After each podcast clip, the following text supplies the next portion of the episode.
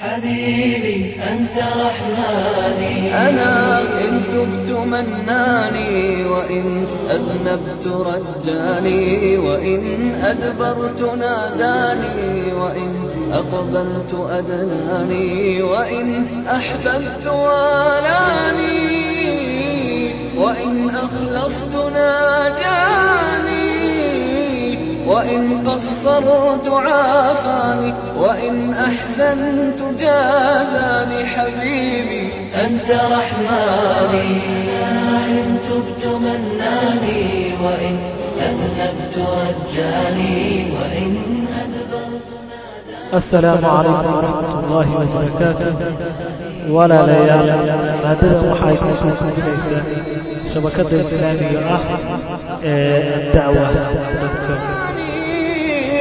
وإن قصرت عافاني وإن أحسنت جازاني حبيبي أنت رحماني إن تبت مناني وإن أذنبت رجاني وإن أدبرت ناداني وإن أقبلت أدناني إليك الشوق من قلبي إن الحمد لله نحمده ونستعينه ونستغفره ونستهديه ونعوذ بالله من شرور أنفسنا ومن سيئات أعمالنا من يهده الله فلا مضل له ومن يضلل فلا هادي له وأشهد أن لا إله إلا الله وحده لا شريك له وأن محمدا عبده ورسوله أما بعد قال الله تبارك وتعالى في كتابه من عمل صالحا من ذكر أو أنثى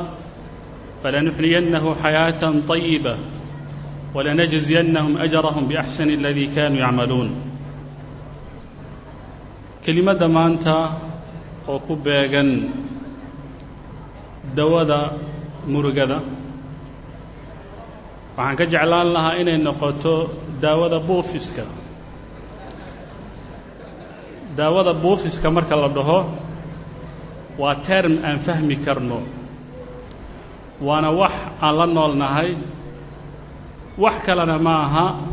Murugadu markay isku tagtagto waswaasku isbiirbiirsado wuxuuna ay gaaraan meesha ugu sarraysa bay murug noqdaan. Waan ogaan doonnaa biidni illaahi subxaana wa tacaala. Mowduucan qofka sheegaya ayaa idinkaga baahi badan. Maxaa yeele qof kastoo aadana ah dabeecaddiisa waxa ay ku duraarsatay in mar un fii xayaatihi waqti uun noloshiisa ka mida inay murugo marka ay ku timaado. Qof bini aadama oo maanta ka badbaadayana aanu markaa jirin. Waxaase badbaadadu ay jirtaa. Qofka murugta wuxuu ka badbaadi karaa marka aakhare la tago oo jannada uu galo. Marka uu gaaro heerkii ilaahay subxaana wa tacaala uu yidhi laa yamasuhum fiiha nasab wamaa hum minha bimukhrajiin jannada marka ay galaan ahlu jannaha ah wax dhiba oo taabanaya ma laha. Jannadaana way isaga jiri doonaanoo weligood ilaahay subxaana wa tacaala weligood kama bixi doonaan. Markaa marka la gaaro nasabka oo ah dhibka iyo kadeedka iyo wax alla waxa qofka aadanaha uu kala kulmayo adduunyadan marka keliya uu ka bixi karo markuu jannada uu galo. Waxaase jira qofka markuu aad iyo aad uga walwalayo wax tegey wax dhacay dhib dhacay musiibo ku timid ee horay u tagtay kaa waxaa lagu magacaabaa xusni. Wixii markii ay soo socdaan welina aanu la kowsan laakiin uu ka baqayo uu isleey war maxaa dhici doona? War haddaad geeriyootid owlaaddaada yaa daryeeli doona? War haddii mushkiladaa la ogaado maxaa samayn doontaa? Hami baa lagu magacaabaa marka xusnigu oo ah tiiraanyada wixii tegey hamiguna waa wax soo socda murug soo socota. Dadkuse way ku kala tegsan yihiinoo quluubta qalbi waxaa jira ah qalburaxmaan carshuraxmaan ku xihan oo ah nuur uu ka buuxo iimaan uu ka buuxo ilaahay subxaana wa tacala uu kalsoon yahay mushkilad kasta ay ku timaadana aanu ku damqanin. Iyo qalbi waxaa jira nuurka uu ka tegsan yahay nalka uu ka maqan yahay. Ilaahay subxaana wa tacala aanu ku xidhnay wax kasta ama mushkilad yar markay ku timaadana wuxuu u muuqdaa qof alkura alardiya dhulkoo dhanba madaxa ku sigta. Dadku marka labadaa qolo ay marka u kala baxaan. Humuumta ama murugada dadka ku yimaada ama ku timaadana dadku way ku kala tegsan yihiin ama murugadu way kala duwan tahay. Mid waxaa jirta aad iyo aad u wanaagsan oo loo baahan yahay. Waa marka ninka caalimka ah uu ku howlan yahay siduu u xallin lahaa bulshada iyo dhibaatada markaa soo wajahday. Marka ninka caalimka ah uu ku howlan yahay suu u xallin lahaa mas'alo diiniya ee loo baahan jawaab kama dambayna in laga bixiyo. Marka habeenka uu soo jeedayo sida alimaam shaafici uu leeyahay intaad hurudeenba waxaan soo saaray ama aan go'aan aan ka gaaray laba boqol oo masale markuu leeyahay oo kale oo murugo marka loo baahan yahay. Sida markii nimankii umarada ahaa amaba a'immatu lmuslimiin ahaa uu leeyahay isagoo salaada uu ku jiro ayuu wuxuu diyaarinayaa ciidanka uu u diri lahaa dagaalka geli lahaa. Waana macduur intuu salaadda uu ku jiro. Maxaa yeele mas'uuliyad waxaa saaran uu leeyahay wallahi low ana daabatan ta'aharat aw tacaharat biardi alciraaq haddii nafley ay ku turanturooto dhulkaa iyo ciraaq anaa lay weydiin doonaa qof leh xaq buu u leeyahay salaadda markuu ku jiro xitaa inuu maxay uu ciidankii marka uu diyaaray marka uu ka fakero xaq bay u leeyihiin maxaa yeelay waxaa laga soo wariyey cumar inuu yidhi waxaan maanta ku howlanahay buu yidhi arrin oo dadkii da'da ahaa ay ku dhammaadeen oo sida ay bimacnaa ugu howlanaayeen cumrigeedu uu dhammaaday kuwii ilmaha ahaa oo yaraana yaryaraana ay markaa ku qaangaareen oo da ay ku noqdeen baan ula jeedaa. Qofkii cajamiga ahaa hadalka aanan soo tuuran karinna uu ku hadal bartay kii caraabiga ah reemiiga ahaana uu ku hijrooday oo xal loo waayey taabaan ku mashquulsanahay buu yidhi heer la gaaray inay dadku xitaa shaygii diinka ay ku tiriyaan. Qolyahaasoo kale murugtooda kale murug markaa loo baahan yahay. Murugaha loo baahan yahay waxaa ka mid a amaba qofka ku yimaada waxaa ka mid a markii macsi ay ka dhacdo khalad markuu galo gaf markuu galo qofkii zina ka dhacday ribuu ku dhacay waxbuu xaday xoolo islaameed buu dhufsaday dhiig buu galay walwalka qabanaya iyo indhaha sida aanay isu qaban karin wax sahlan maaha. Waa humuumta dadka ku timaado. Waana hami markaa loo baahan yahay qofka maxay? Inuu ka danqado dhibkii markaa soo gaaray iyo diinkiisii khaladka markaa ku yimid. Waxaa ka mid a humuumta mid ka timaada ama murugada waxaa ka mid a. Murugo la xidhiirta dulmiga qofka markay ku dulmiyaan dad qaraabaa oo xigtadaada ah oo aad iyo aad kuu xiga markay ku dulmiyaan. Iyo qof kaa fog markuu ku dulmiyo isku mid maaha maxaa li wa dulmu dawi lqurba ashaddu ghadaada min waqci sayfi almuhanadi qofka marka uu kuu dhow yahay uu xigtadaada u yahay dhibka uu ku gaarsiiyo waa uu ka ballaaran yahay wuuna ka wen yahay ka kale ee markaa shisheeyahan aan kuu soo dhoweyn waxaa ka mid a murugada dadka ku yimaada saamiga ah humuumta cudurrada markaa xambaarsan oo qofka markuu xanuunsado oo kale qofka marka uu ka fakerayo markii meeshan uu ka baxo awlaaddiisa meesha ay ku dambayn doonaan duriyatan dicaafan khaafuu calayhim falyattaquu allah walyaquuluu qowlan sadiida walyakhsha aladiina low tarakuu min khalfihim duriyatan dicaafan khaafuu calayhim aayaddaas waxay muujinaysaa inuu dadkaa walwal u qaban doono walidaalika murugahu murugadu ama murugta in wax muhiima ay tahay marmarka qaarkii waxaa muujinaya waxaanan ka badbaadan dadkii asxaabuliimaanka ah baanan ka badbaadan rasul maxamed sala allahu calayh wasalam markii ay beeniyeen dadkiisa waan garan karnaa murugta uu dareemay. Waa tan uu leeyahy yaa rasuula allah markii ay caaisho ay weydiinayso yaa rasuula allah ma ku soo martay maalin kaaga daran maalintii heblaa ahayd? Maalintii heblaaye ahayd? Maalin kaaga daran? Ma ku soo martay yaa rasuula allah markaasuu yidhi ima soo marin buu yidhi. Fainطalaqtu mahmuuman calaa wajhi. Anuu aad iyo aad u murugaysan baan dhaqaaqay buu yihi rasuulka sala allahu calayh wasalam ilaa marka dambe malakuljibaal la ii soo diray uu leeyahay yaa muxamed waxaan diyaar u nahay in aad farri aad amarna siisid. Kadib labadan buurood aan saa isugu keeno dadka dhan aan ku halaagno. Markaasuu yidhi iska daaya waa intaasoo ilaahay subxaana wa tacala oo dhabarkooda ka soo saaro dad markaa diinka kan markaa u khidmeeya. Rasuul maxamed sala allahu calayh wasalam murugada ku timid waxaa ka mid a wuxuu aad iyo aad ugaga fakeray markii la waayey waxay dadku shicaar ay ka dhintaan xagga aadaanka oo kale maxaa dadka loogu addimaa? Qaar baa waxay yidhahan rasuul allah naaquus noo keen.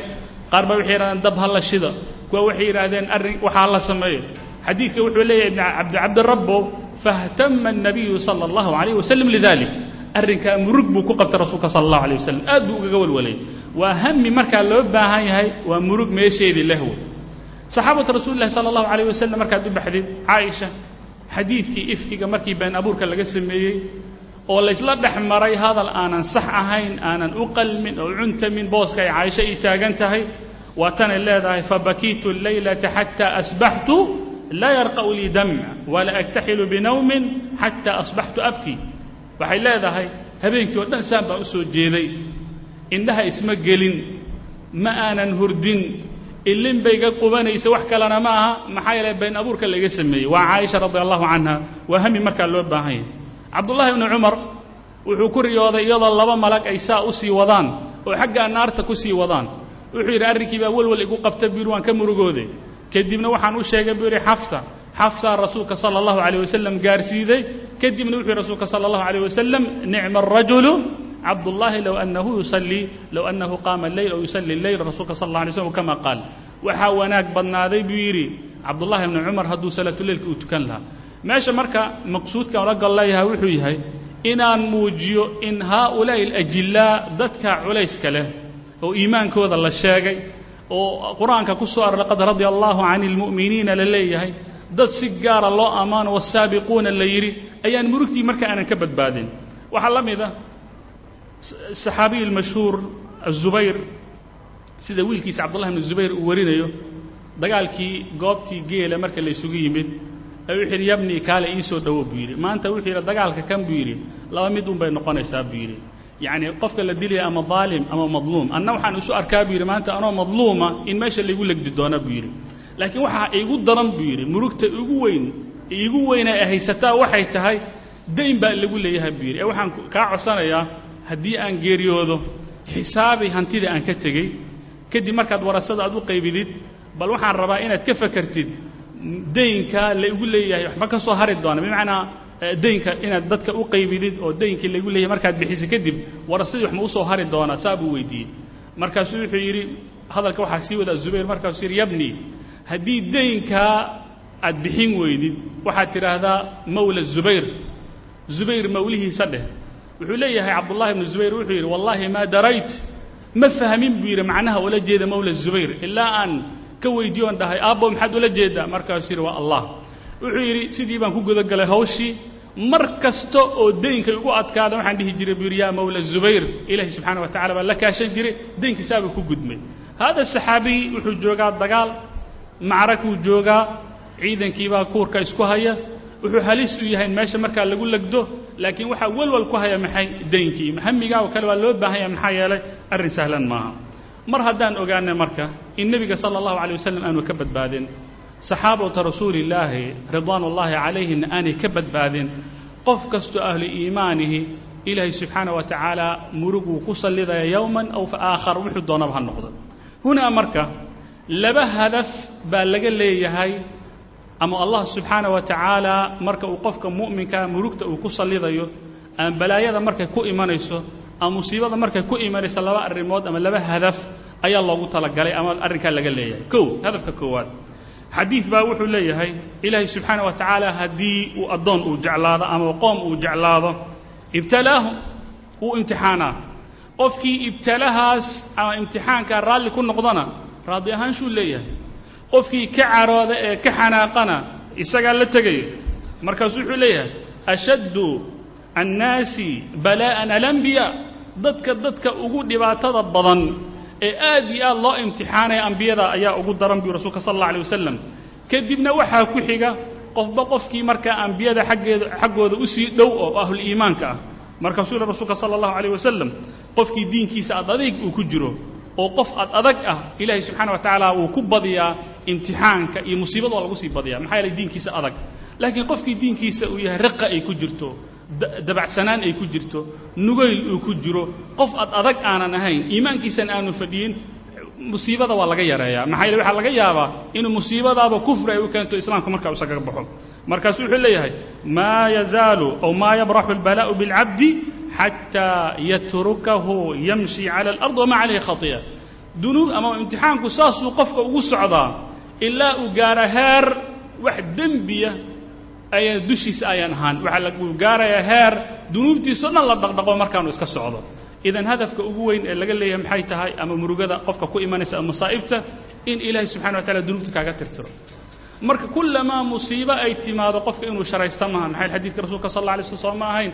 Maa yusiibu lmuslima min nasabin walaa wasab. Qofka muslimka dhib kastoo ku yimaada. Xata shawka yushaakuha. Allah ka dhiga qodax yaroo duraysa ajir baa loogu qoraa dembigana waa looga tirtiraa. Marka meesha waxaan tasawuranaynaa dhibaatooyinka jira iyo mashaakilkay nagu yimaada ama ha noqdo mashaakil la xiriira familiga oo guriga ha noqdo ama mashaakil naga qabsada xagga carruurta ha noqdo ama mashaakil naga qabsada meelaha aan joogna ha noqoto ama mashaakilka ugu weyno maanta na hayso soomaali dhan meel kastay joogaanba biidni illaahi subxaana wa tacala wax iska socda maahane. Waa wax ilaahay subxaana wa tacala ugu talagala in ummaddan dunuubta looga tirtiro. Arrinka labaad wuxuu yahay in qofka murug ay ku timaado ayaaba abaalmarin ah. Soo ma ogid? Waxyaabaha nafsiga waxaa ka mid ah. Qofka si murugta ku timid looga qaado murug kadaa lagu sallidaa walidaalika allah subxana wa tacala qur'aanka wuxuu ku yidhi faahaabakum hamman biham ilaahi subxaana wa tacala wuxuu idinku abaalmariyey murug bisababi hammin murug idin haysatay sababteed baa murugtan laydinku abaalmariyey waagii hore marka culammada ay laqbaynayaan ama jalaaliinka markaa soo qaadatid taqdiirka uu keenaya wuxuu yahay faahaabakum hamman bisababi hammikum lirasuuli. Laqbada saasaa ku qoran. Maadaama rasuulka aad murug aad gelideen oo meeshii laydinkugu talagalo la yidhi macrakada bartankaa ha dhaafina haddaad aragtaan iyadoo madaxyadeenna la shafay oo haadda saa ayna dul xoomanayso iyadoo cadcad shimbiruhu ay noo dafanayn haddaad aragtaan ghaswatu uxud ha dhaqaaqina marka la yidhi oo ay meeshii ka dhaqaaqeen kadibna ciidankii si sahlan marka loo jalfado meeshai ugu jabeen ayaa waxaa la ilahi subxana wa tacala u leeyahay murug buu ilahi subxana wa tacala idinkan idinku salliday maxaa rasuulkaad murug gelideen? Nafsi ahaan waxa ay culimmada ku fasireen oo kale leeyihiin qofka haddii musiibo ay ku timaado musiibadana aad aad ugu welwalsan tahay. Si musiibadii hore lagu halmaansiiyo waxaad u baahan tahay mid kale in markaa lagu maqashiiyo. Saa darteed hadda laa samix allah haddii qof telefoon loo soo diroo la yidhaahdo war gurigaagii baa gubtay iyo wax alla wixii ku jiray. Dabcan waxay ila tahay qofka dabiiciga ah inuu markiiba telefoonka inuu tuuro uu ordo gaari ku dhaco walwalo uu dhaqaaqo. Maxaa yeelay gurigii baa gubtay reerkii oo dhanna way ku jiraan ciyaalkii iyo carruurtii wax kastaa ku jira laakiin in yar kadib marka loo soo diroo la yidhaahdo war gurigi wuu gubtay waa sax. Laakiin islaantii iyo carruurtii iyo lacagtii meesha ku tii way badbaadeen marka la yidhahdo wuxuu leeyahay alxamdu lilah tii hore marka uma muuqato. Guriga hadduu doono ha gubto waa guri waa la dhisayaa buu leeyahay. Allah subxaana wa tacala marka wuxuu yidhi macrakada iyadoo la jooga ayaa waxaa la yidhi ciidankii horta waa la jebiyey waa mid. Waxaa kaloo timi rasuulka sal alla alay wasalam baa geeriyoodoo la dilay. Waa laba murugood aanan caadi ahayn. Kadib bay waxay ogaadeen rasuulka sal alla alay slam inuu nool yaho xayan yursaq inuu yahay markaasay markiiba farxeen waxay yidhahan alxamdulilah marba hadduu rasuulka uu nool yahay halna la jebiyey maalin dambaan arsan doonnaay. Marka faahaabakum hamman murug buu ilaahay subxaana wa tacala idinku abaalmariyey bihammin ay bisababi hammin marka murugta ku haysata murug kale haddii ilaahay subxaana wa tacaala kuu sii raaciyo iyadana abaalmarin baa loogu talagala waxay ka mid tahay waxyaabaha dadka marka lagu daweeyo. Arrinkanan u gudbaya wuxuu yahay qofka markii murugta uu isi siiyo murugaduna aanan ahayn mid iyadu saami ah. Saamina waxaan ula jeedaa mid sarraysa oo macno ku fadhida sida tan ay culimmadu ay ku howlan yihiin oo kale tan ducaadda ay ku howlan yihiin oo kale tan qudaadda ay ku howlan yihiin oo kale tan madaxda ay ku howlan yihiin oo kale dadka mas'uuliyaadka ay saaran tahay. Ama midda aad ka fakaraysid tarbiyada owlaadaada waddanka la joogo oo kale midda aad ka fakaraysid cibaadadaada iyo dembi kaa dhacay wadwal ka qabta haddayse murugta aanay ahayn wax alla wixii ka soo haray waa nansans waxaan waxba ku fadhiyey. Saa darteed qofka waxaa la yidhi haddii murugta isaga u abuurto waan ogaan doonnaaye laba arrimood mid ka mida wey ama waxaa laga yaabaa shaydaanka inuu caawiyo uu muciin u noqdo ama waxaa laga yaabaa inuu isagu dhibaato markaa isgaarsiiyo. Shaydaanka waxaan ognahay qur'aanka waxaa la sheegay inuu leeyahay shan hadaf iyo inuu qaado siddeed tallaabood iyo inuu maro labiiyo toban in ka badan oo wasiilo ah. Qur'aanka wuxuu sheegay allah subxaana wa tacaala uu qur'aanka uu ku sheegay ahdaafta shaydaanka uu leeyahay waxaa ka mid a inuu horta qofka bini aadamka ah addoonka ilaahay ku xihan inuu halmaansiiyo xaqa ilahi subxana wa tacala ku leeyahay. Istaxwada calayhim ashayطaanu faansaahum dikra allah shaydaan baa ka awood badiyey kadibna wuxuu halmaansiiyey ilahi subxana wa tacala hoskiisa nambarka labaad hadafka shaydaan uu leeyahay waxay tahay inuu dadka quluubtooda cara markaa isugu rido. Waa tan allah subxaana wa tacala qur'aanka uu tilmaamayo uu leeyahay yufariquuna bihi bayna almar'i wa zawjihi shaydaan camal uu sameeyey wey laba ruux oo isqaba in la kala geeyo wiil iyo waalid in la kala geeyo laba xigtaa in la ysku diro in dad isjecel oo isu soo dhow in markaa la kala didiyo waxay ka mid taha waxyaabaha shaydaanku ka shaqeeyo hadafka saddexaad ee shaydaanka uu ka shaqeeya waxa uu yahay inuu murug iyo tiiraanyo uu geliyo qofka muuminka qalbigiisa. Marka waxaa kan waxaad fahmaysaa shaydaan baa lug ku leh. Allah qur'aanka waa tanuu leh innamaa dalikum shayطaanu yukhawifu أwliyaaءahu falaa takhaafuumaa shaydaanoo idin cabsigelinaya eh oo idinku cabsigelinaya ciidanka uu watay waxba ha ka baqina waa tan uu ilahay leeyay liyaxzuna aladiina aamanuu walaysa bidaarihim wafii qira'atin liyuxzina aladiina aamanuu walaysa bidaarihim inuu murug geliyo inuu tiiraanyo geliyo in uu ka dhiga dad aad aad u murugaysan shaydaanka ka shaqaynaya waa hadafka saddexaad oo shaydaanka uu leeyahay. Hadafka afaraadna inuu qofka islaamka uu ka saaro id qaala lilinsaani kfur hadafka shanaadna inuu dadka dharka uu ka dhigo liyubdiya lahumaa maa wuri canhuma min saw'aatihima marka meesha shanta hadaf marka la aqriyo hadafka saddexaad ee shaydaanka uu leeyahay waxay tahay qofka muslimkaa maxay? Inuu geliyo walwal iyo murug marka inuu geliyo. Meesha marka waxaa fahmaysaa dadka buufiska haysta ama ee walwala ama qulubka ku dhaca oo maantoo dhanba wax shaydaan ka dambeeya u yahay meeshaas fahmaysa maxaa waa hadaf marka uu wato. Shaydaanka marka si uu meesha u gaaro waa inuu maro khuطuwaad kala duwan oo sideed ah. Oo ay ka mid tahay maalan waxaa ka mid a waxaan horta faker buu ka dhigaa madaxa buu ku soo ridaa go'aan buu ka dhigaa hami buu ku geliyaa fal buu isu ragaa caaduu noqdaa fisqi buu noqdaa kadibna xaqa ilahi subxana wa tacala ka hor imaanaya qofka. Hamigu marka waa nooca afaraad ee shaydaan marka uu ka shaqeeyo. Wuxuuna maraa intaasoo wadda ah shaydaan marka suu hawshaa u fuliyo waxa uu leeyahay time table oo aanu ka dhicin maalin walbaba. Waxaa la sheegaa in maalin walbaba uu shaqeeyo afar labaatan saacadood shaydaanka uu shaqeeyaa. Kow isbuucii wuxuu shaqeeyaa boqol iyo lixdan iyo siddeed saacadood. Bishii wuxuu shaqeeyaa shan kun iyo afartan saacadood sanadku wuxuu shaqeeyaa lixdan kun iyo afar boqol iyo siddeetan saacadood. Wuxuu shaqeeyaa maalintana wuu shaqeeyaa full time habeenkana wuu shaqeeyaa markaad hurudidna wuu shaqeeyaa marka qofka uu noocan maa uu xitaa uu isleeyahy salaada u toosna waa tan guntimada qofka uu ku xidho. Intaa oo dhan wuxuu ka shaqeeyaa maxay? Liyaxzuna aladiina aamanuu walaysa bidaarihim. Si uu markaa murug markaa u geliyo. Hawshan marka qofka markii murugta uu isi sii siiyo ama wax kaleba aanu ka howlanaana ilaa intaa mooyaane wuxuu waddo u furayaa shaydaankii. Mar hadduu waddo furana arrinkaa marka wuxuu keenaya maxay inuu ka fogaado dikra allahi jala wacala.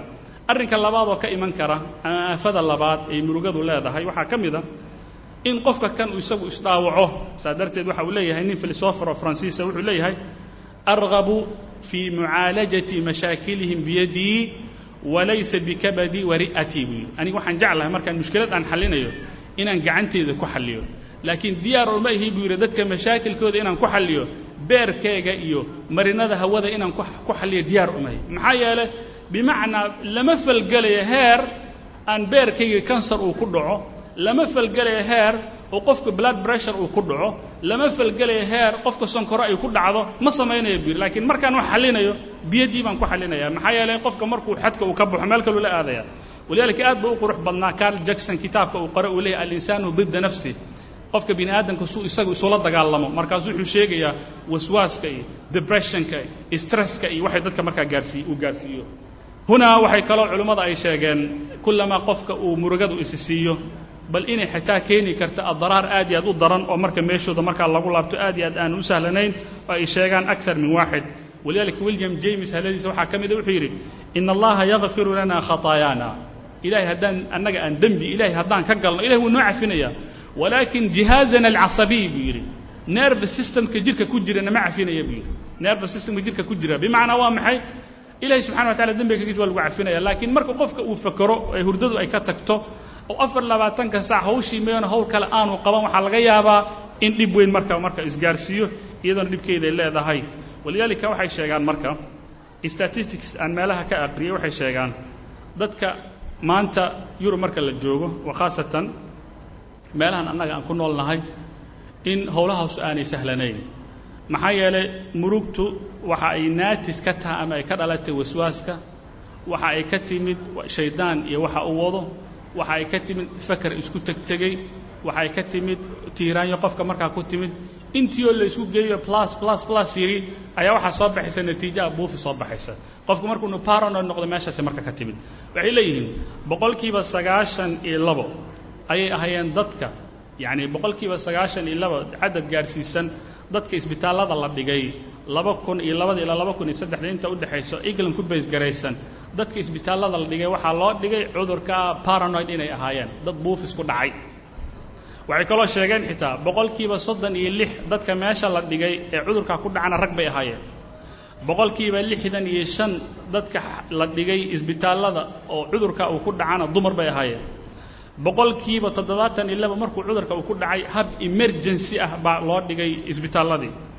Waxay kaloo sheegeen xitaa ilaa iyo boqolkiiba xitaa medium lengthiga meesha marka ay ku jireen inuu cadadku ahaa cadad aad i aad u sarreeya intaa markaa isku soo duuduubtid waxaad dareemaysaa kullamaa qofka uu mushkilada uu la falgalo inay keeni karta arrimaha. Walilaahi alxamd waxaan ku haynaa fi lislaami waxyaaba badan oo xuluula. Xuluushaana waa xuluul biidn illahi subxana wa tacala meeshaydaan ugu laaban doono keliya kuma gaaraha dadka waddamada yurubka. Walidalika waxay leeyihiin caalamka marka la ysku soo duuduubo boqol iyo konton iyo boqol iyo konton milyan oo qof ayaa waxay qabaan waxyaabaha cudurka lagu magaca waswaaska iyo wixii la mid a amaba infisaam shakhsiya boqol iyo konton milyan.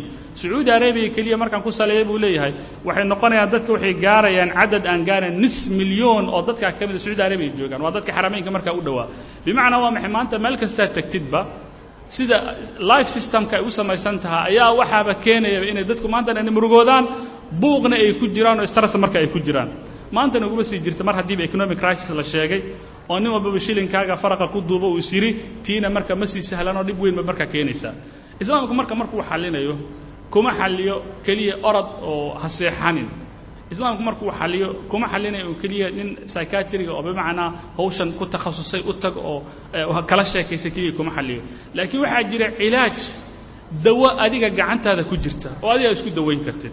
Dawada ugu weyn aan idinka idinka maqnayn oo aad og tihiin waa alcilaaj aliimaani qofka kan iimaankiisa inta uu kordhiyay ku xihan tahay yani cudurka kan jiritaankiisa wuxuu ku xihan yahay ama in la waayo wuxuu ku xihan yahay hadba iimaankaaga inta uu taagan yahay.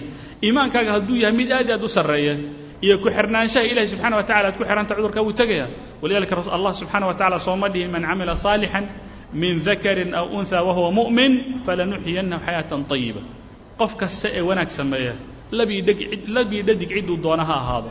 Laakiin sameeye camalka markuu samaynayo isagoo mu'min ah falanuxyiyannahu xayaatan طayiba waxaanu noolaynaynaa nolol aad iyo aad u wanaagsan walanajziyannahum ajrahum biaxsani aladii kaanuu yacmaluun aakhare iyo adduunba mar meesha la joogaba ajarkooda kan ugu wanaagsan baan gacanta u gelinaya ilahi subxana wa tacala isagaa yidhi rasuulka sala allahu alay waslam xadiid uu ku yidhi cajaban liamri اlmu'min waxaa yaa badnaaday qofka mu'minka arrinkiisa ina amrahu kullahu lahu khayr wax kastoo qofka mu'minka la soo gudboonaada khayr buu u yahay haddii wanaag uu ku yimaadana ilahi subxana wa tacala ugu mahad celiyaa oo wuu ku farxaa oo ilahi subxana wa tacala u mahad celiyaa haddii dhib uu ku yimaadana wuu sabraayo sabarkaabaa u khayr badan. Bimacnaa waa maxay?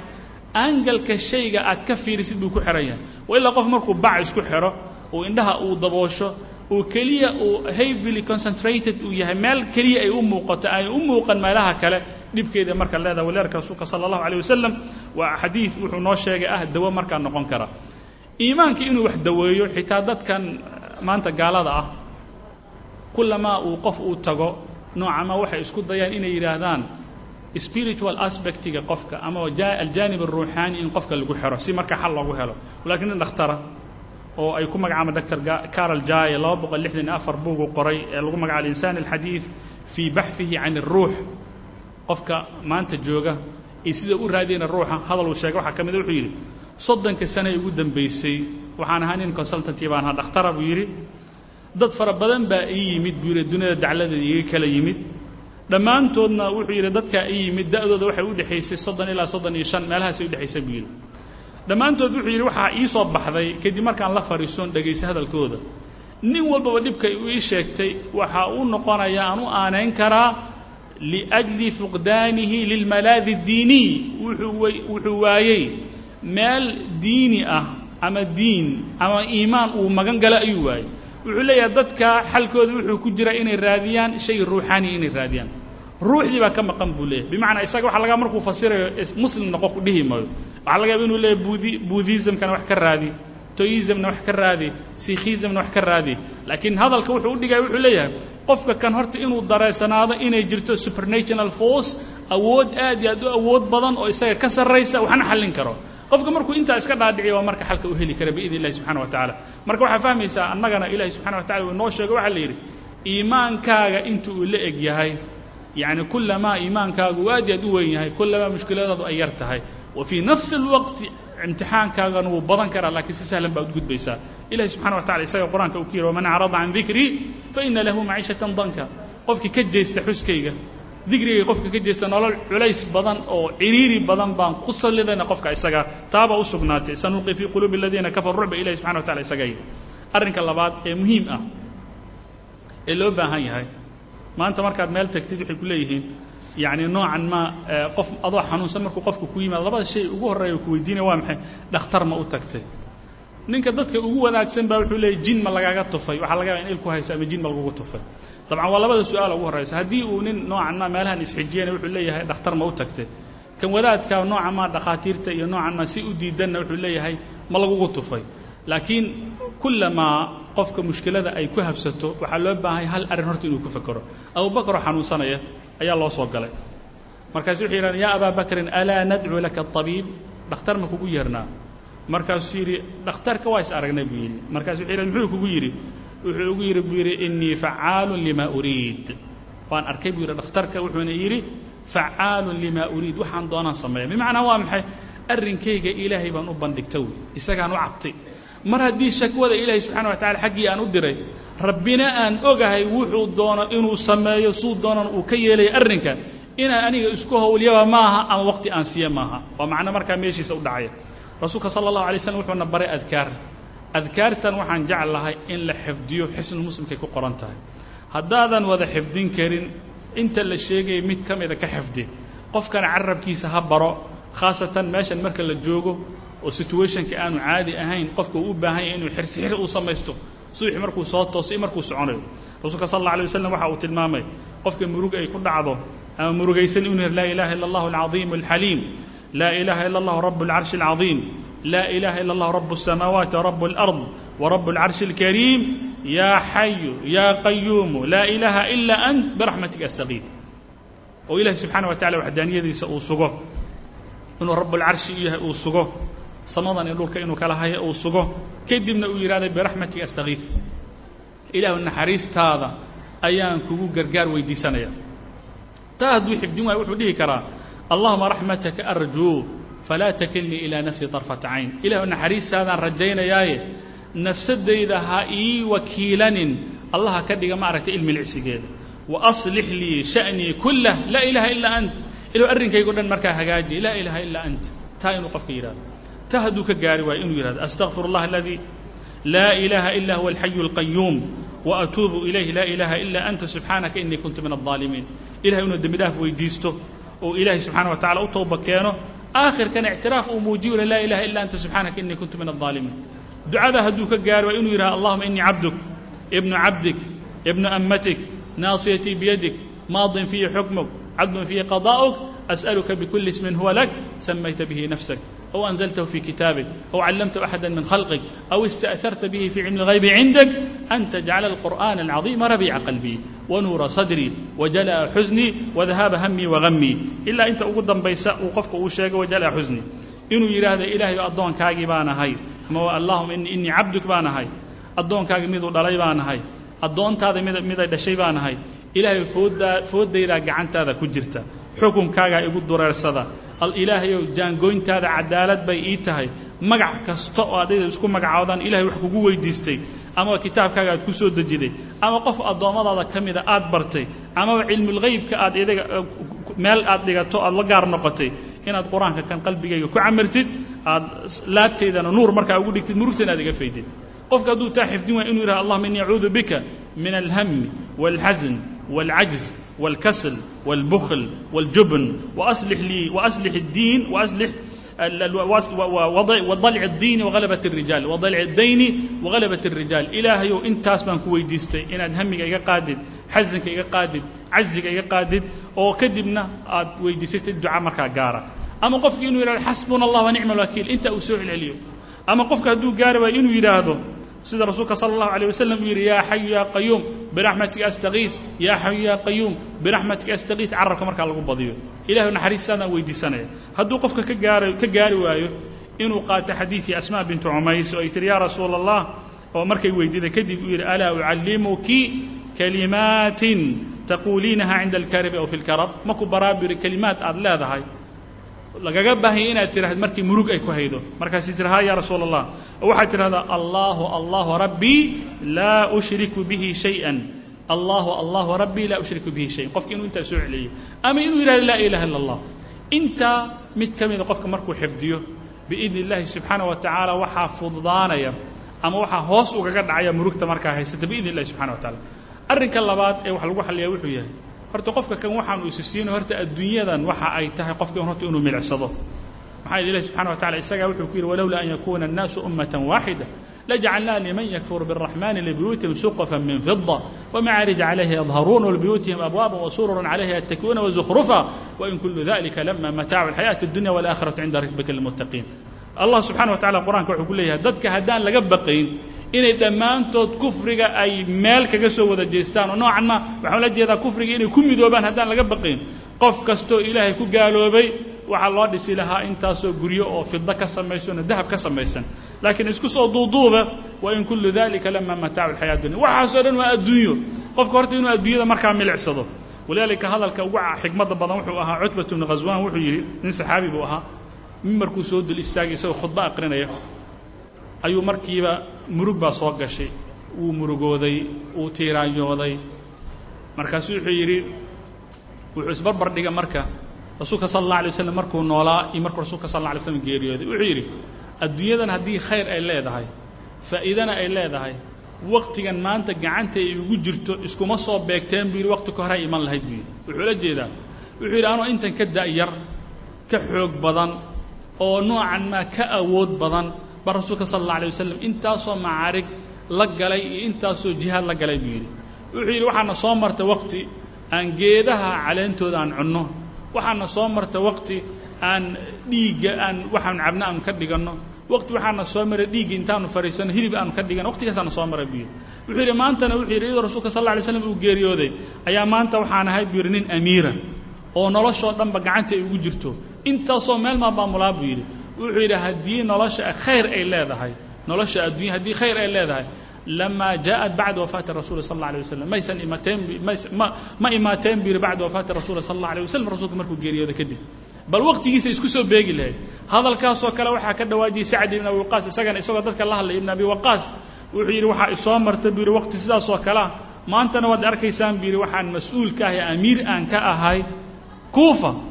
Wuxuu yidhi haddii noloshu khayr ay leedahay nolosha adduunyo iyo nolosha adduunye qiima haddii ay leedahay waqtiga rasulka sal lla alay slm bay iman lahayd buy adduunye rasuulka sal alla alay waslam la kowsan weyday oo markuu geeriyooda kadib timid sidii tareen soo daahay oo kale.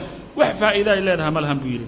Walidaalika cumar khadaab radi allahu canhu wuxuu u soo galay maalin maalmaha ka rasuulka sala allahu alayh wasalam iyadoo uu ku dul jiifo markaa gogol yar markaa jirhkiisii saameeyday oo noocan maa raad markaa u yeeshay. Wuxuuna arkay guriga rasuulka sal alla alay waslam sarreen yar unbaa meel marka ka soo laalaado wax la cunaa markaa ma lahayn. Markaasuu cumar khadaab intuu qariibsaday buu yidhi yaa rasuula allah kisra iyo dadkan waaweyn oo boqorada ahna ma noloshaa bay ku nool yihiin. Adoo rasuulka sala allahu alayh rasuulullahi ah oo ilaahay ku soo dirsada ma noloshan baa ku nooshay yaa rasuula allah rasuulka sal alla alay slm markiiba intuu la hadlay wuxuu yidhi afii shakin anta ya bna alkhadaab ma ka shakisan tahay buu yidhi in ilahi subxana wa tacala faraj uu keeni doono. Amaa tardaa an takuuna lana alaakhira walahum addunya. Ma raalli ka ahayn in annaga aakhirada ayna soo aado iyagana adduunyada markaa ay xaggooda ay aadaano adduunyada ay markaa ay lahaadaan. Rasuulka sal alla alay wasalam si adag buu marka ugu jawaabay marka masalada markaa si gaara looga baxay. Arrinka kale ee loo baahan yahay in qofka uu noocan maa isaga fududeeyo mashaakilka haysaa wuxuu yahay inuu kaga daydo ama uu ku daydo ambiyadii iyo rusushii iyo dadkii saalixiintaha nebi aan la dhibin miyaad aragteen? Rasuul aan dhib la soo gaarsiin miyaad aragteen? Maa jaa'a nabiyun bimili maa ji'ta bihi aw maa jaءa rajulu bimili maa ji'ta bihi ilaa waatanuu leeyahy waraqa. Qof la yimid waxaad adiga la timid ma jiro ilaa waa la dhibay. Bimacnaa waa maxay? Nebi aan dhib la soo kowsan ma laha. Mar haddiiba ambiyadii ay ka badbaadi waayeen uuduu waqutiluu in la dhibay oo la dilay oo la googooyey. Qof marka annagoo kalea waqtigan markaa nool in noocan maa caadi inay u noqoto mashaakil markaa inuu yimaado. Arrin kale wuxuu yahay ee abshanaad in horta hamigaagoo dhanba iyo waxaad xoogga saarta aakhare marka ay noqoto adduunyana aanay kuu muuqan adiga iyo araggaaga qalbigaaga uu ku xihan yahay carshi araxmaani jala wacalaa aad og tahay xuluul ilmashaakil kullaha inamaa takmunu fiihi cinda araxmaan annaha takmunu fii maa cinda araxmaan mashaakil oo dhan xalkiisa ilahay agtiisa inuu jiro haddaad og tahay mushkiladaad way yaraanaysaa xadiid aad xifdisantihiin baa wuxuu leeyahay ee anas bin maalik laga wariyey. Uu rasuulka sal alla alay wasalam uu leeyahay qofkii qofkii aakhara un keliya ka fakera ilaahay subxaana wa tacaala hinihiisa qofka hinihiisa iyo hodantinimadiisa qalbigaa loo geliyaa.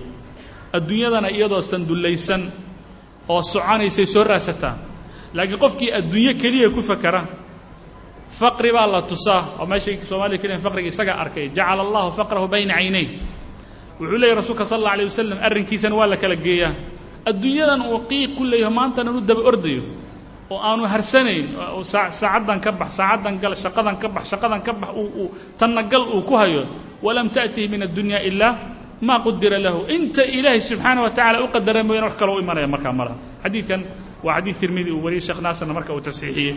Walidalika wuxuu leeyahay ibnu اlqayim tacliiq buu saaraya wuxuu leeyahay qofka markuu hamigiisa ilaahay keliya uu noqdo oo meel kale aanu ku fakerin ilaahay makhluuqaadkiisao dhan buu u sakhiraa. Laakiin qofka markuu ku mashquula un keliya makhluuqa ilaahay wuxuu ka mashquulaa ilahay subxana wa tacala kalgacaylkiisa ilahay ku xirnaantiisa kadibna wuxuu noqdaa qof addoon ah addoommada ilaahay. Iyadan dhibkeeda leeda yagdax wayatcam waa tanaad aragtaan wey yani nooca ma waxaad arkaysaa qofka afar labaatanka sac yani kulamaa yacmal min camalin la aakhar min camalin la aakhar waa yar tahay inta uu siiyo inta ilaahay subxaana wa tacala marka amaba uu yidhi hala siiyo waqti ahaan fima yatacallaqu biddiin. Arrinka kale waxa uu yahay adikru اlmowt qofka inuu xusuusto horta inuu dhiman doono. Mar haddaad ogtahay meeshan inaad ka tegi doontid karaakibin istadalla taxta shajara geed hoostii harsaday oo ka tegi doona wuxuu isi siyaayey ma laha. Marka waa meesha aan ku kala duwannahay innaga dadka kaleo ay leeyihiin qofka waxaan hadduu heli waayo waa inuu isdilo waxaanu hadduu heli waayo intixaar ha sameeyo.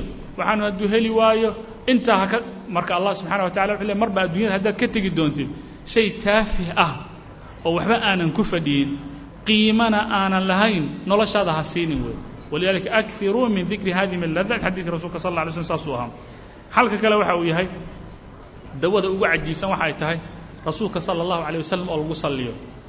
Salligan aan noocan maa si aan ugaga gaabinayno daruuri weeye fii xayaatina khaasatan qofka inuu bacda kulamaa uu jalasaad u yimaado salliga rasuulka sal lay slm inuu badiyo salaatu calaa rasuuli sala allahu alayh wasalam waqti gaara ma laha waqti gaara ma laha habka loogu salinay waa habkii rasuulka sal alla alay wasalam uu yidhi ha laygu salliyo asala alibraahimiya xadiidkii atufayl ibni camr atufayl ibni abi kacab aabbihii uu ka warinayay ayaa wuxuu yidhi rasuulka sala allahu alay wasalam hadda ka hor mar habeenkii marka la gaaray waqtiga dambe ayuu wuxuu yidhi yaa ayuha annaasu dkuru llaha dkuru llah wardadu ilaahay xusa. Jaa'at araadifatu tatbacuha araadifa tii gilgelaysay baa timid iyadoo ay fan gashan tahay midda ku xigtay. Mowt baa yimid isagoo xambaarsan wuxuu xambaarsanaa.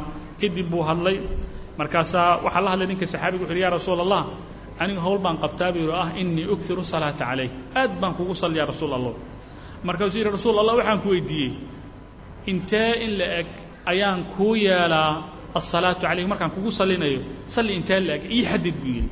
Rasuulka sal alay wasalam dabcan intuusan ka jawaabin bu wuxuu yidhi ninkii saxaabiga rasuulku wuxuu yidhi maa shi'ta intaad doontid. Markaasuu yidhi ka warran alrubuc afar dalool dalool haddaan siiyo acmaasha aan qabanay in adiga kugu salliya ka war. Wuxuu yidhi waa okay haddaad ku dawaa maa shi'id haddaad ku dartidna waa kaa waa khayr. Ka waran buu yidhi haddii aan laba qaybood camalkayga u qaybiyo haaf ka midana aan siiyo in adiga kugu salliyo. Markaasuu yidhi waa khayr haddaad ku dartidna waa khayr kale ka waran buu yaa rasuul allah saddex dalool laba dalool haddaan siiyo in adiga kugu salliyo. Markaasuu yidhi waa ha waa khayr haddaad ku dartidna fahuwa khayru lak. Markaasuu yidhi ajcalu laka salaatii kullaha.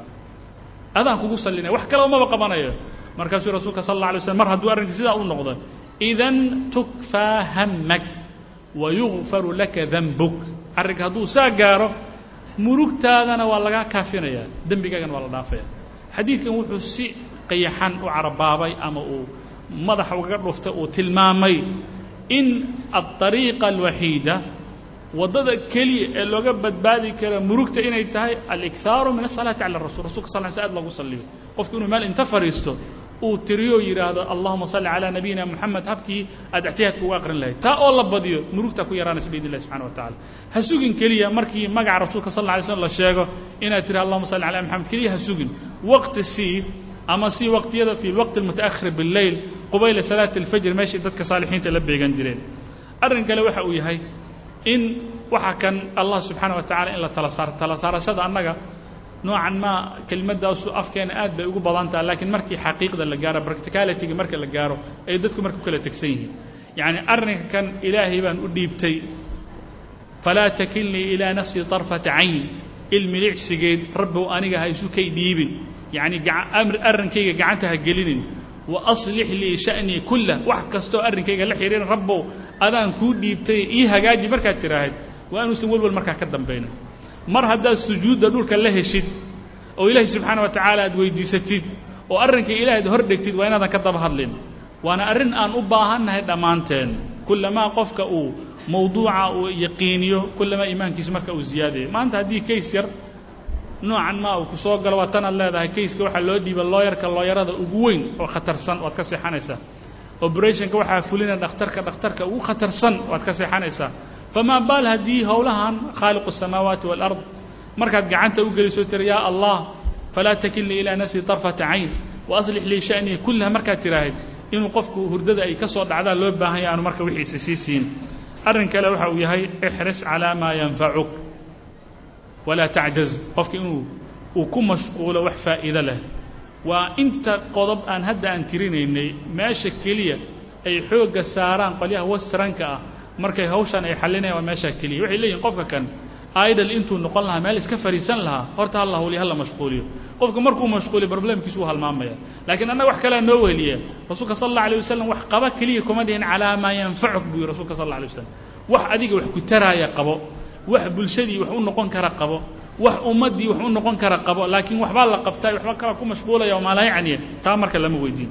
Arrinka kaleoo lagu xalliyay waxa uu yahay allujuu'u ila asalaa qofka mushkilad markay timaado inuu meel kale aanu ka raadiyin xalkoo uu salaadii xaggeeda abbaaro.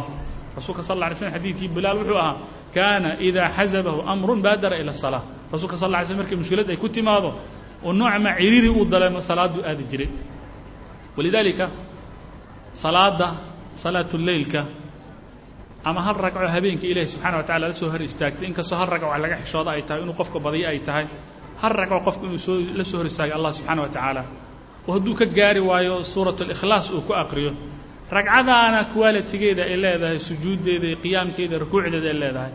Uu qofku murugtiisa uu meesha ku sheegto markuu dhulka wejiga uu ku hayo uu yidhaahdo waana marka la leeyahay aqra maa yakuunu alcabdu min rabbihi huwa saajid. Intaa qof ilahi subxana wa tacala u dhowdahay mushkilada waa la xallin doonaa biidn illahi subxana wa tacala arrinka kale uu yahay waana muhiim waana waxyaabaha ruuxaaniyaadka aan u baahnay meeshan marka la jooga maxaa yeelay nolosheenoo dhan waxay iska noqotay xayaa makaanikiya. Qofka inuu shaqeeyo oo wax cuno uu seexdo uu soo kaco oo noocan maa uu meeshan haddana part aado uu ka soo laabto uu seexdo uu soo kaco nolol routinian ku jirnaa oo iyada xalaqa mufraqa maantana iska daba wareegaysa.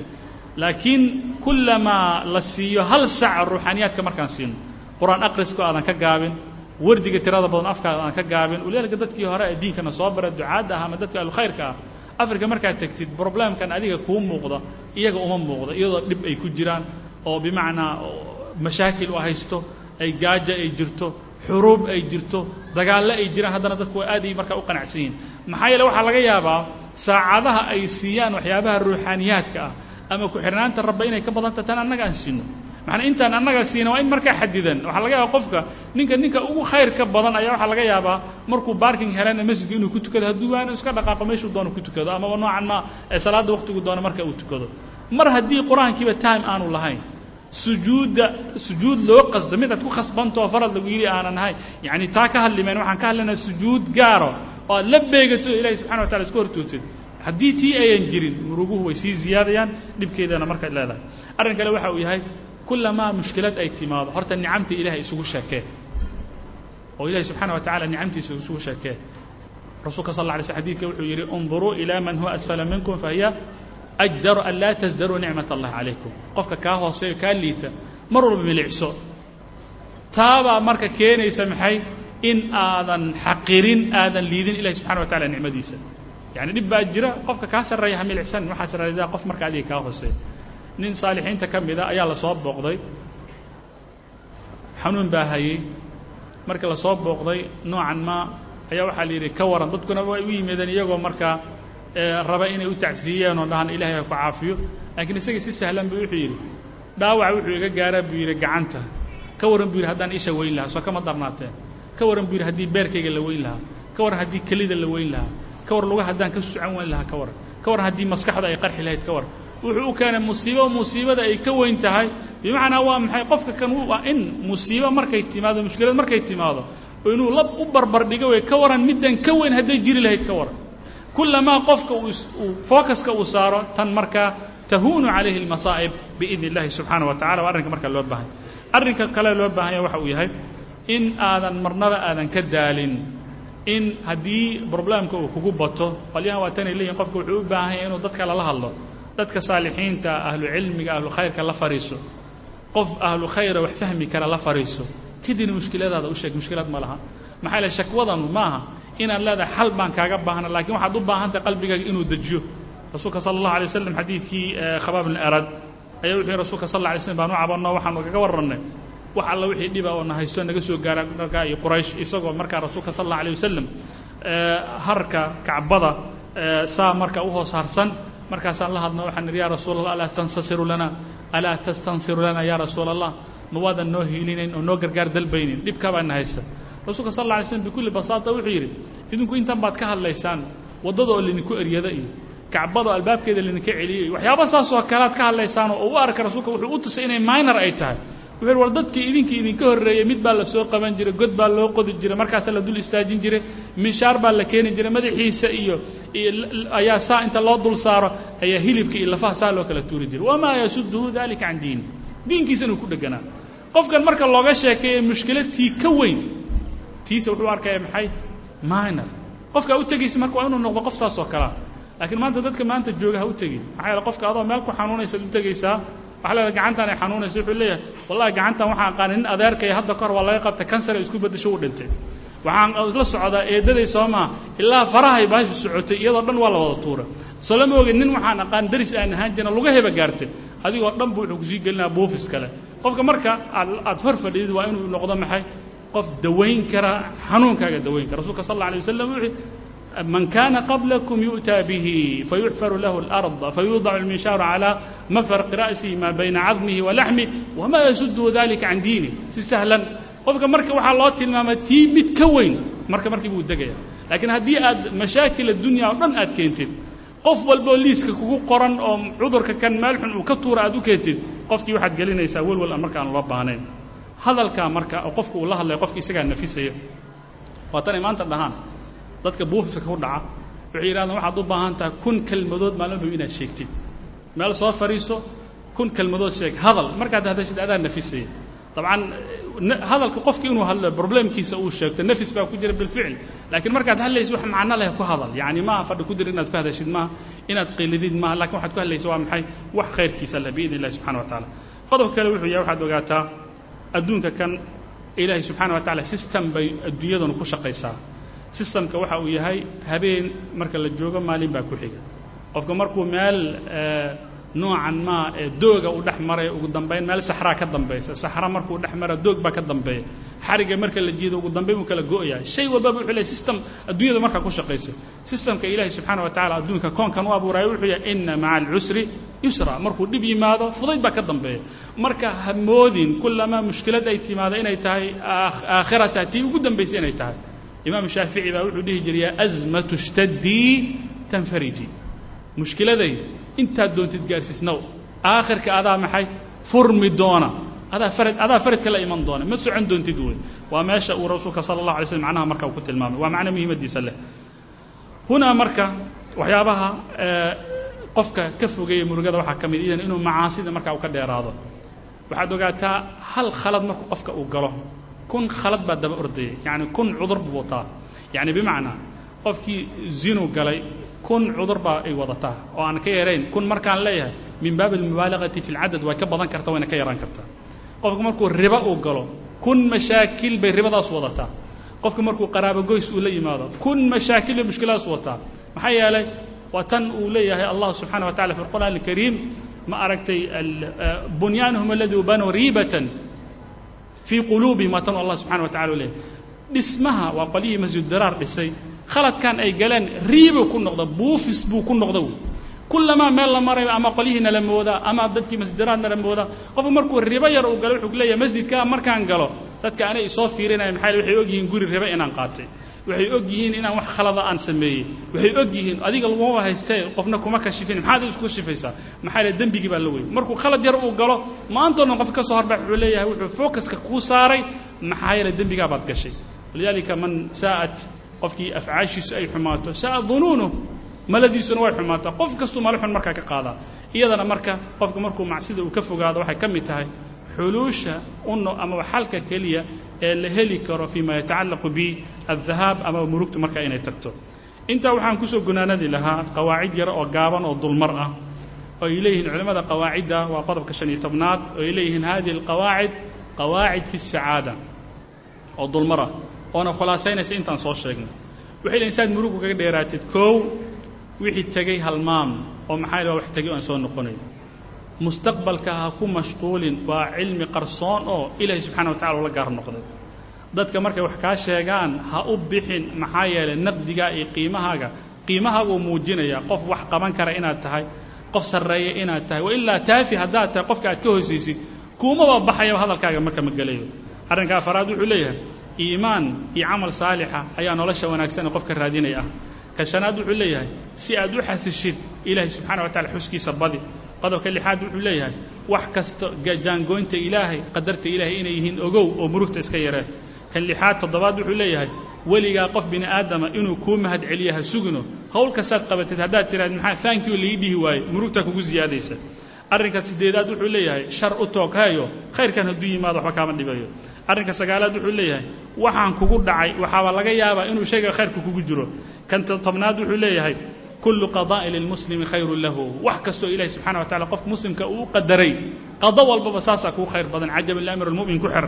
Arrinka kow tobnaad wuxuu leeyahay nicamta ilaahay un keliya xoogga saaro wain tacudduu nicmat allahi laa tuxsuuha. Taasaana xitaada tirin karin. Nicamtii lama tirin karo maxaa meel kale u milicsanaysaa kadibna mu ilahi subxana wa tacaala u mahad celi. Arrinka labiyo tobnaad wuxuu leeyahay dhibkan adiga ku haysta iyo murugtan adiga ku haysata waxaad ogaataa inay jiraan kumaan kun oo aad kun jar aad ka fiican tahay tan haysata ay ka weyn tahay tooda. Tan adiga ku haysata iyo tooda marka la isbarbar dhigo toodaa kaa daran. Arrinka saddex-iyo tobnaad wuxuu leeyahay saacad walba ee dhaqaaqda iyo saacad walba ee baxda iyo saacad walba ee isrogta waxay ka tegaysaa meeshay taagnayd waxay tegaysaa meel aynay taagnayd.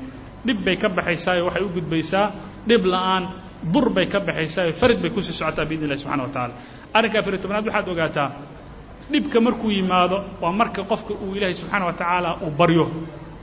Saa darteed bilbalaa yustakhraju ducaa waa tanay dhahaan. Ilaahay subxana wa tacala markuu ku jeclaado wuu ku imtixaanaa. Dhib buu kuu keenaa. Dhibka maxaa la rabaa marka inaad ducada soo tuftid? Maxaa yele haddaan lagu imtixaan ilahi subxana wa tacala ma baryaysa habeen iyo waxaan rabaa inaad tirahdo yaa allah yaa allah ya allah. Taana waxay ku iman kartaa inay mushkilad ku haysato. Marka si ilaahay aad ugu dhowaatid ducadan aan ognahay mukhul cibaada inay tahay ayaa ilahi subxana wa tacala kugu imtixaanaya arrinka af shan iyo tobnaad wuxuu leeyahay musiibo walba ee kuu timaada indhahay kuu furaysaa arrinka lix iyo tobnaad wuxuu leeyahay dhib walbaba. Dheef baa ka dambaysa. Arrinkaas toddobiyo tobnaadna wuxuu leeyahay wax kastoo mashaakila yaanay noloshaada baabi'in. Siddeediyo tobnaad ilaahay subxana wa tacala allihii dembi dhaaf badan. Sagaaliyo tobnaad laa taqdab laa taqdab laa taqdab. Ilahay subxana wa tacala caradiisa ha ka caroonin qadarta ilahay biidn illahi subxana wa tacaala. Arrinka labaatanaad noloshoo dhan isku soo duuduub economic crisis kasta hadduu dhaco waxaad ogaataa noloshu waa saddex waa biyo iyo ma aragtay jab yar oo muufo ah iyo hoos yar aad hoos harsatid intaa keliyaad u baahantahay yacni biyo haddii qofku uu helo wax yaroo cunacad yaroo markaa uu helo rootiya hadduu helo iyo geed uu hoos harsado iyo biyo uu cabo noloshu waa intaa. Nolosha haddayba intaa ay tahay meesha doonta markaa ha gaarto. Arrinka labaatanaad wuxuu leeyahay kow labaatanaad wa fi الsamaai risqukum wamaa tuucaduun qaacidadu saasay leedahay. Samadaa laga helaa risqigii waxaa loo xilay subxana wa tacala noo yaboohay labiiyo tobnaad ama labiiy labaatanaad akar maa yukhaafu laa yakuun. Wax kastoo dadku ay ka baqaan sida loo sheegay uma dhacayaan. Waxay waxbaa dhici doona waxay waxbaa kuga iman doona cudurkaagu saasuu isku rogi doonaa mushkilada saasay noqon doontaa wax kastoo la buunbuuniyo sida loo sheegay uma dhacaan. Arrinka saddex iyo labaatanaad wuxuu leeyahay laka fi lmusaabiina uswa. Mar walbaba markay dhib kugu yimaado dadka adiga kula midka ah kuwaa milicsoo ku dayo. Arrinka shan iyo labaatanaad ama afar labaatanaad wuxuu leeyahay ina allaha idaa axaba qowman ibtalaahum. Ilahay markuu ku jeclaado uu ku imtixaanayaa. Lixiyo labaatanaad ducada badi. Toddobiyo labaatanaad camal waxtar leh oo miro dhalay ee ku mashquul. Siddeediyo labaatanaad dadka iyo waxay sheegayaan ha u bixinoo kalsoonnida ilaahay badi. Arrinka sagaaliyo labaatanaad xiqduka xirsuka cala alintifaac yacnii qofka inuu maanta dhan uu ku mashquulo waxaanan faa'iido lahayn caafimaadkiisa ay dhib markaa gaarsiin kartaa. Ama gaarsiin kara arrinka soddonaad wuxuu leeyahay kullu maa yusiibuk fahuwa kafaaratu lidunuub dhib kastoo yimaada dembigaa lagu tirtiraa. Waa soddon qaacido ay culimmadu dhahaan qawaacid fi sacaada. Inta haddii la hela biidni illahi subxaana wa tacaala murugtu way yaraanaysaa. Allaahumma ya allah inaa nacuudu bika min alhami wاlxasan wاlcajz والكسل والجبن والبخل وضلع الدين وغلبة الرجال وصل إن الحمد لله نحمده